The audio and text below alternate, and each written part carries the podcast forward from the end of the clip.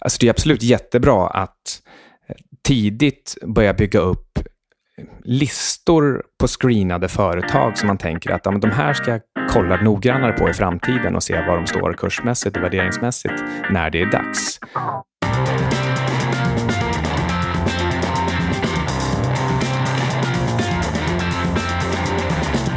Du lyssnar på 25 minuter, en konversation om personlig utveckling.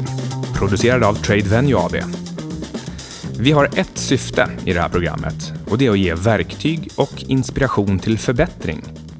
Jag heter Carl Mikael Syding. Med mig har jag alltid Ludvig Sundström. Tjena Ludvig, idag ska vi prata om kassaflödeseffektivitet. Ja, det ska vi göra. Det här ska bli intressant. Ja, det är kanske extra viktigt i startups som är det jag tittar mest på nu för tiden. Men eh, även i etablerade verksamheter kan det vara bra att ha koll. Det är, jag tror att det här är någonting som är väldigt viktigt att kunna, vare sig man är privatperson som investerar på, ja, på liksom vilken nivå man än är på, eller om man är egen entreprenör. För då är det viktigt att veta att okay, om jag har en affärsidé som följer den här typen av tänkande, alltså ett kassaflödeseffektivt, eh, en kassa, kassaflödeseffektiv affärsmodell, då är det antagligen lättare för mig att fixa investerare. Eh, och sen om man är investerare, då är det någonting som är väldigt viktigt att kolla på i början, eller hur? Ja, och jag träffar en hel del eh, småföretag, totalt nystartade. Och eh, ibland kan man bli lite förvånad över att de inte ens har tänkt på det här med kassaflöde, utan eh, Ehm, man hoppar rätt in med en, med en spännande idé på någonting och, och, så vill man ha lite pengar för att eh, kunna ta fram idén. Men, eh, men det finns faktiskt ingen tanke alls på hur det ska skötas därefter. Nu kanske det är ganska naturligt att vissa entreprenörer och andra kan finansfrågor, men eh, eh det, det, det är ändå viktigt att tänka på, men många gör det inte. Ja, jag har själv gjort det här felet många gånger och misslyckats. Eh, och även sett en del kompisar göra det också. Alltså jag har ju absolut gjort det som eh, sell-side-analytiker under mina första år också. Att jag, jag tittade bara på vinster och, och, vissa nyckeltal istället för att fundera över vad finns det för skulder? Vad är det för villkor på de där skulderna? Vad, eh, hur, hur ser kassaflödet ut? Kan det vara så att de kommer behöva nyemission inom x månader eller år givet att inte kassaflödet förbättras och, och så vidare. Det eh, på något sätt så, eh, så finns det en kultur av att bara prata om P tal eller möjligen return on equity och, och price book. Men det är lätt att missa kassaflödet då. Ja, men det, det är väl lite availability bias över det. Liksom. Det står i tidningarna så det är lättast att lära sig. Mm. Ja. Ja, det, är en, eh. det, är en, eh, det, är en, ganska bra genväg att, att titta på ett P-tal. Det är liksom en, lite grann av en hygienfaktor. Men eh, den säger ju verkligen inte allt. allt. Det, det är några procent man får med sig. Ja, du, jag, innan vi nördar ut för mycket. Mm. Vad är kassaflödeseffektivitet? Förklara är du snäll. Jag skulle säga att det är hur ett företag producerar fritt eget kapital och kassa. Om, man, om vill man just nörda in på ordet effektivitet så kanske man ska säga hur mycket fritt, eller hur mycket kassa genererar man i förhållande till den redovisade vinsten? Något som man kan kalla för eh, kassakonvertering. Mm. Eh, in inkluderar det här också kostnaden för att behålla vallgraven, alltså konkurrensfördelen? Ja, det måste man väl egentligen säga, men det är klart att ett, ett företag kan, kan ju strunta i sin vallgrav eller sin konkurrensfördel och eh, därmed optimera det kortsiktiga kassaflödet men eh, strunta i det på längre sikt. Och det där kan vara lite svårt att, att genomskåda.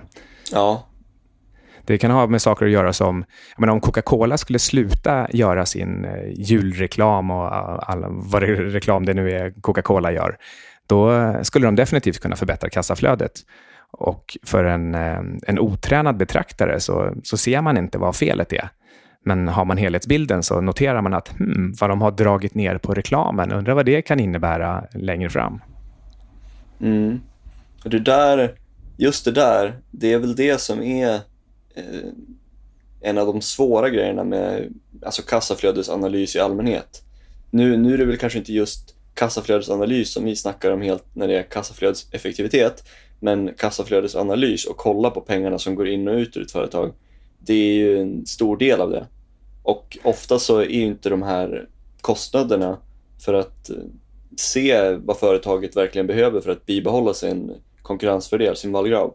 Det är inte alltid enkelt att se från kassaflödesanalysen, eller hur?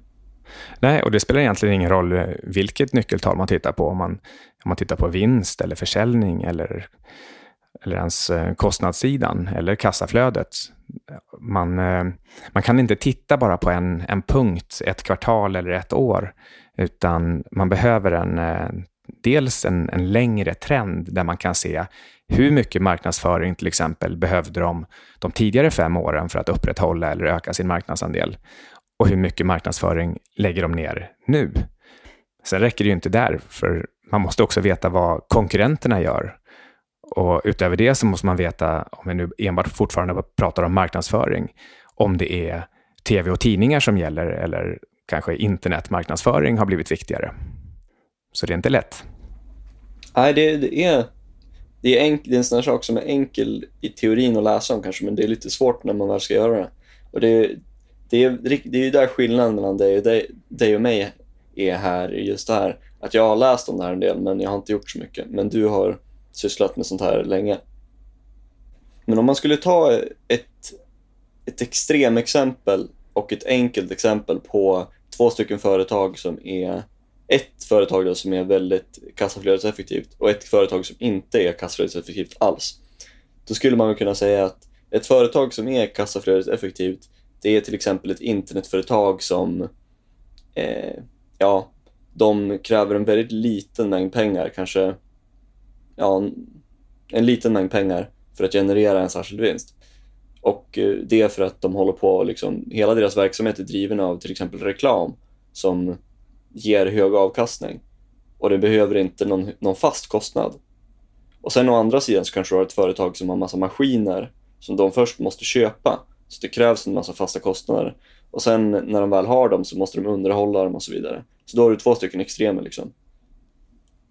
Ja, de, de kommer ju skilja sig åt på en himla massa olika sätt. Bland annat så kommer return on equity se helt olika ut och därför så ska man betala helt olika price book, alltså olika multiplar på det redovisade egna kapitalet. Men sen utöver det så kommer också kassaflödet se olika ut. Att de, det vill säga att de, om båda producerar samma vinst, om vi antar att vi justerar storlekarna på ett sådant sätt, så kommer det kanske, eller möjligen sannolikt, internetföretaget redovisa ett, ett mycket högre kassaflöde än, än det här verkstadsföretaget. Mm, ja, det, det, hur skulle du säga att du bär dig åt för att hitta sådana här sorters verksamheter som är kassaflödeseffektiva? Det ehm, är inte jättelätt att säga. Jag är van från mitt jobb vid att få massa idéer serverade. Det vill säga, jag får analyser på nya företag, på gamla företag.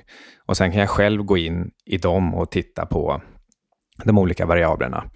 Och då finns det ett antal olika nyckeltal som man kan gå igenom. Men det är kanske lite för komplicerat att, eh, att dra nu. Men, eh, men ehm, Eh, trender i ett antal olika nyckeltal som, som eh, visar hur länge fakturor ligger ute innan man får betalt.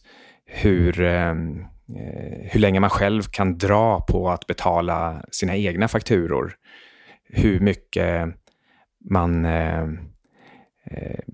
lägger ned i, i forskning och utveckling och hur mycket av det som man faktiskt har som kostnader, redovisar som kostnader och hur mycket av det man aktiverar i balansräkningen istället. Det, det, finns, en, finns en mängd olika saker här, men, men kanske just eh, eh ja, de och, en, och en, en fyra, fem nyckeltal till börjar jag med att screena på, det vill säga att jag, jag filtrerar marknadsuniversumet, det jag just för tillfället tittar på, och så säger jag att jag, jag har minimikrav eller en, eller en, en maximinivå som jag tillåter på olika av de här nyckeltalen. Och då trillar det ut en, en handfull eller någonting företag som uppfyller de kriterierna. Och sen kan man börja titta på vallgravar och marknadsföringsutgifter, andra trender och konkurrenter. Mm. Ja, det, det är mycket saker att kolla på det här, men det, det intressanta är ändå att ha någon slags startpunkt så att man har en strukturerad eh, ja, man har ett strukturerat tillvägagångssätt för vad man ska titta på och i vilken ordning. Och det, är, det är sånt som jag är, det är sånt jag gillar att hitta i alla olika delar av livet. Eh, försöka hitta såna här saker tidigt i livet och sen träna in mig på det. Liksom. Så jag har de här checklistorna eller best practice eller vad det än är. Liksom. För sen, jag kanske inte har pengar att investera just nu, men när jag har det i framtiden, då har jag de här grejerna redo och eh, då vet jag ungefär vad jag ska kolla på, eller i alla fall vad jag ska träna på. Så ja, eh, alltså har, du, absolut, har du någon sån här? Alltså det är absolut jättebra att tidigt börja bygga upp listor på screenade företag som man tänker att ja, men de här ska jag kolla noggrannare på i framtiden och se var de står kursmässigt och värderingsmässigt när det är dags. Eh, titta på trender och eh, konkurrensvallgravar. Att um, um, eh, Eh, också som du säger, eh, fundera ut best practice i, i eh, hur man filtrerar fram dem. Och, eh, det är ändå så att liksom för, för, olika branscher, för olika företag, så, så, måste man använda olika filter. Och jag till exempel, jag har framför allt tittat på affärsmjukvara, tjänsteföretag som till exempel Securitas och banker. Och de är tämligen olika, de här tre. Det är visserligen en slags tjänsteföretag allihop och har ganska låg kapitalbindning och, och relativt hög personalintensitet. Eh, till skillnad från verkstadsföretag. Eller många verkstadsföretag i alla fall.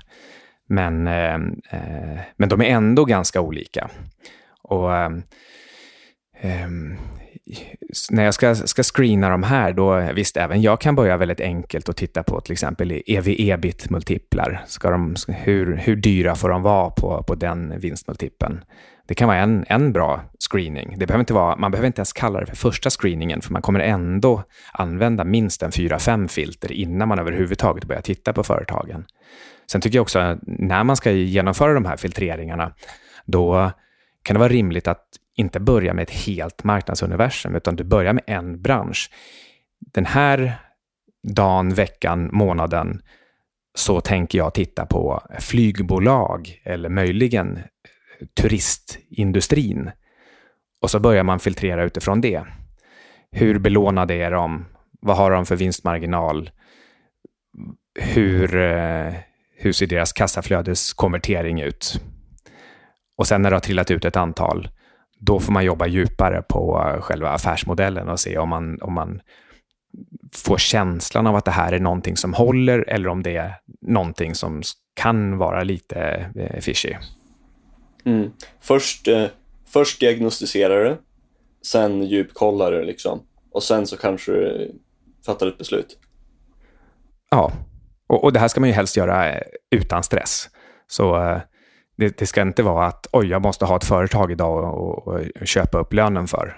Utan ja. eh, lite mer som du, att eh, ja, men det kanske är om ett eller elva år som du egentligen vill, vill gå in och börja investera på allvar. Och då kan du, då kan du redan nu i, i lugn och ro bygga listor både på bolag och på vad du under tiden lär dig är best practice, dina bästa filter helt enkelt och, och se om de verkar fungera också. Mm. Ja, det, det, är lite åt det hållet jag tänker. Eh, du får det att verka ganska enkelt när du, när du ramlar på liksom, men det är mycket saker. Så ja, det, jag gillar listor bättre. Det är inte jättemånga rader i de här respektiva, eh, respektive uppställningarna. Men för varje rad så finns det någon typ av intressant nyckeltal och de nyckeltalen är ganska självförklarande. Inte, inte liksom så att man om man inte har en ekonomutbildning kan sätta sig och bara hitta på dem. Men eh, eh, man kan alltid titta i nyckeltalssammanställningen eh, eller ja, fråga någon helt enkelt. Jag tänker inte göra en lista på det här, för det, det blir eh, det blir en väldigt lång lista om man ska försöka få med allting och det kommer ändå utebli saker. Och, och på den andra sidan så kan man nöja sig med, en, med fem stycken nyckeltal att filtrera på, men, men det blir fel att, att göra en sån lista också. Eh, För, för, för då kommer den bli missvisande beroende på vilket företag man tittar på. Men, men tar man fram resultaträkningen så tittar man, ja, här har vi försäljning. Ja, var kommer försäljningen ifrån? Och hur får man betalt för den i slutändan? Va, va, från att du har sålt, hur lång tid tar det till du får betalt? Och vad var det för kostnader som låg bakom den där försäljningen? Och när måste du betala dem? Det är, det är några små enkla saker som, eh, som i sin tur då beskriver hur kassaflödet kommer se ut i företaget. Nu, nu har vi ju snackat ganska mycket här om det här att eh, eh dels kanske vi fått det låta lite svårt och dels kanske vi fått det att eh, eh, verka som det inte är fullt lika viktigt som det är. Men det är ändå en betydande faktor att eh, kolla på i ett företagsanalys om det är kassaflödeseffektivt eller inte. Man vill ju betala mm. mer för ett företag som är kassaflödeseffektivt generellt sett, eller hur? Ja. Och det är ju det som är poängen. Liksom. Att, mm, det eh, finns ju helt klart en risk med företag som inte genererar ett bra kassaflöde. Det handlar bland annat om att man inte vet vad, varför gör de inte det? Vad är, vad är problemet? Och en annan är om de inte har ett fritt, fritt kassaflöde, då kan det bli svårt att, att serva till exempel sina egna lån och då kan man förr eller senare hamna i riktigt trubbel. Ja, och jag, jag, läste ju för ett tag sedan om Formel 1 och sådana saker. Och då, då är det, ja, man kan inte säga att det är grundaren, men en av de stora namnen bakom Formel 1-branschen, det är en, eh, en engelsk entreprenör som heter Bernie Ecclestone. Och han, en av de grejerna som gjorde att han började tjäna riktigt mycket pengar, det var att när han väl hade Ja, han hade hållit på företaget i kanske så 20 år och dragit ihop en massa pengar. Och han ägde jättemånga olika företag. Men en, en väldigt stor grej som han gjorde sen, som, som verkligen gjorde en stor skillnad i hans förmögenhet, det var att han, han slutade med alla sina företag som, hade, som inte var kassaflödeseffektiva. Mm. Så det, tycker jag, det, det, tyckte jag var en sån en intressant insikt på att även om man inte håller på med just djupa analyser och liknande så är det ett viktigt eh, mindset att ha och tänka sig och förstå att eh, det går att använda på många fler sätt. Men du, om, om man tar ett exempel på att folk kan vilja betala mer, att man kan vilja betala mer för ett företag som är kassaflödeseffektivt. Eh, om vi tänker oss att vi har två stycken företag som är i samma bransch och det ena företaget behöver tillgångar på 5 miljoner kronor för att generera en vinst på 1 miljon kronor. Sen har vi ett annat företag som kräver tillgångar på 10 miljoner kronor för att generera en vinst på, på 1 miljon kronor hur mycket mer skulle du i så fall vara villig att betala för det företaget som då bara kräver 5 miljoner tillgångar eh, för att generera den här, den här miljonen i vinst? Om allt annat är lika. Um, ja, framförallt så kan man väl säga att eh, det i alla fall inte självklart så att det, det större företaget ska vara värt dubbelt så mycket som det lilla. Mm. Vilket annars kanske är det intuitiva. Utan det mer rimliga är kanske att de är värda ungefär lika mycket. Men det beror helt och hållet på hur den där kapitalbindningen ser ut. Varför är 10 där istället för 5? Okej, okay, men eh, har du något eh, vanligt tydligt exempel på när kassaflödesanalys kan ge en missvisande bild? Alltså hur, den kanske kan, hur man kan bli manipulerad när man kollar på det? Ja, kassaflödet kan se bättre ut ifall man till exempel inte underhåller sin maskinpark ordentligt eller underhåller sitt marknadsvärde ordentligt. Det skulle vara om Coca-Cola drar ner på marknadsföringen eller om eh, en, ett pappersbruk låter maskinerna stå i någon typ av rundown. Förr eller senare så, så kraschar de där maskinerna och då blir det oerhört dyrt. Men fram till dess så, så kan kassaflödet se riktigt bra ut. Att använda personaloptioner för att kompensera för låga löner kan också få kassaflödet och även vinsten då att, eh, att se bättre ut. Beroende lite grann på under vilken eh, redovisningsregel man, man lägger sig. Om man, eh, ja, man kan ju faktiskt välja att fuska också och säga att så här ser vinsten och kassaflödet de facto ut. Ehm, men, men man har ju betalat, i praktiken har man betalat lägre löner än man egentligen behöver på, på sikt. Ja, så det är i det här fallet, eller i alla de här fallen du säger, då har företagen, eh, som man kollar på det, då, då har de medvetet manipulerat så att deras kassaflöde ska se extra bra ut. Men samtidigt så har de, eh, de har liksom eroderat på vad som krävs för att uppehålla sina vallgravar, sina moat, sina, sina bästa konkurrensfördelar. Ja, precis.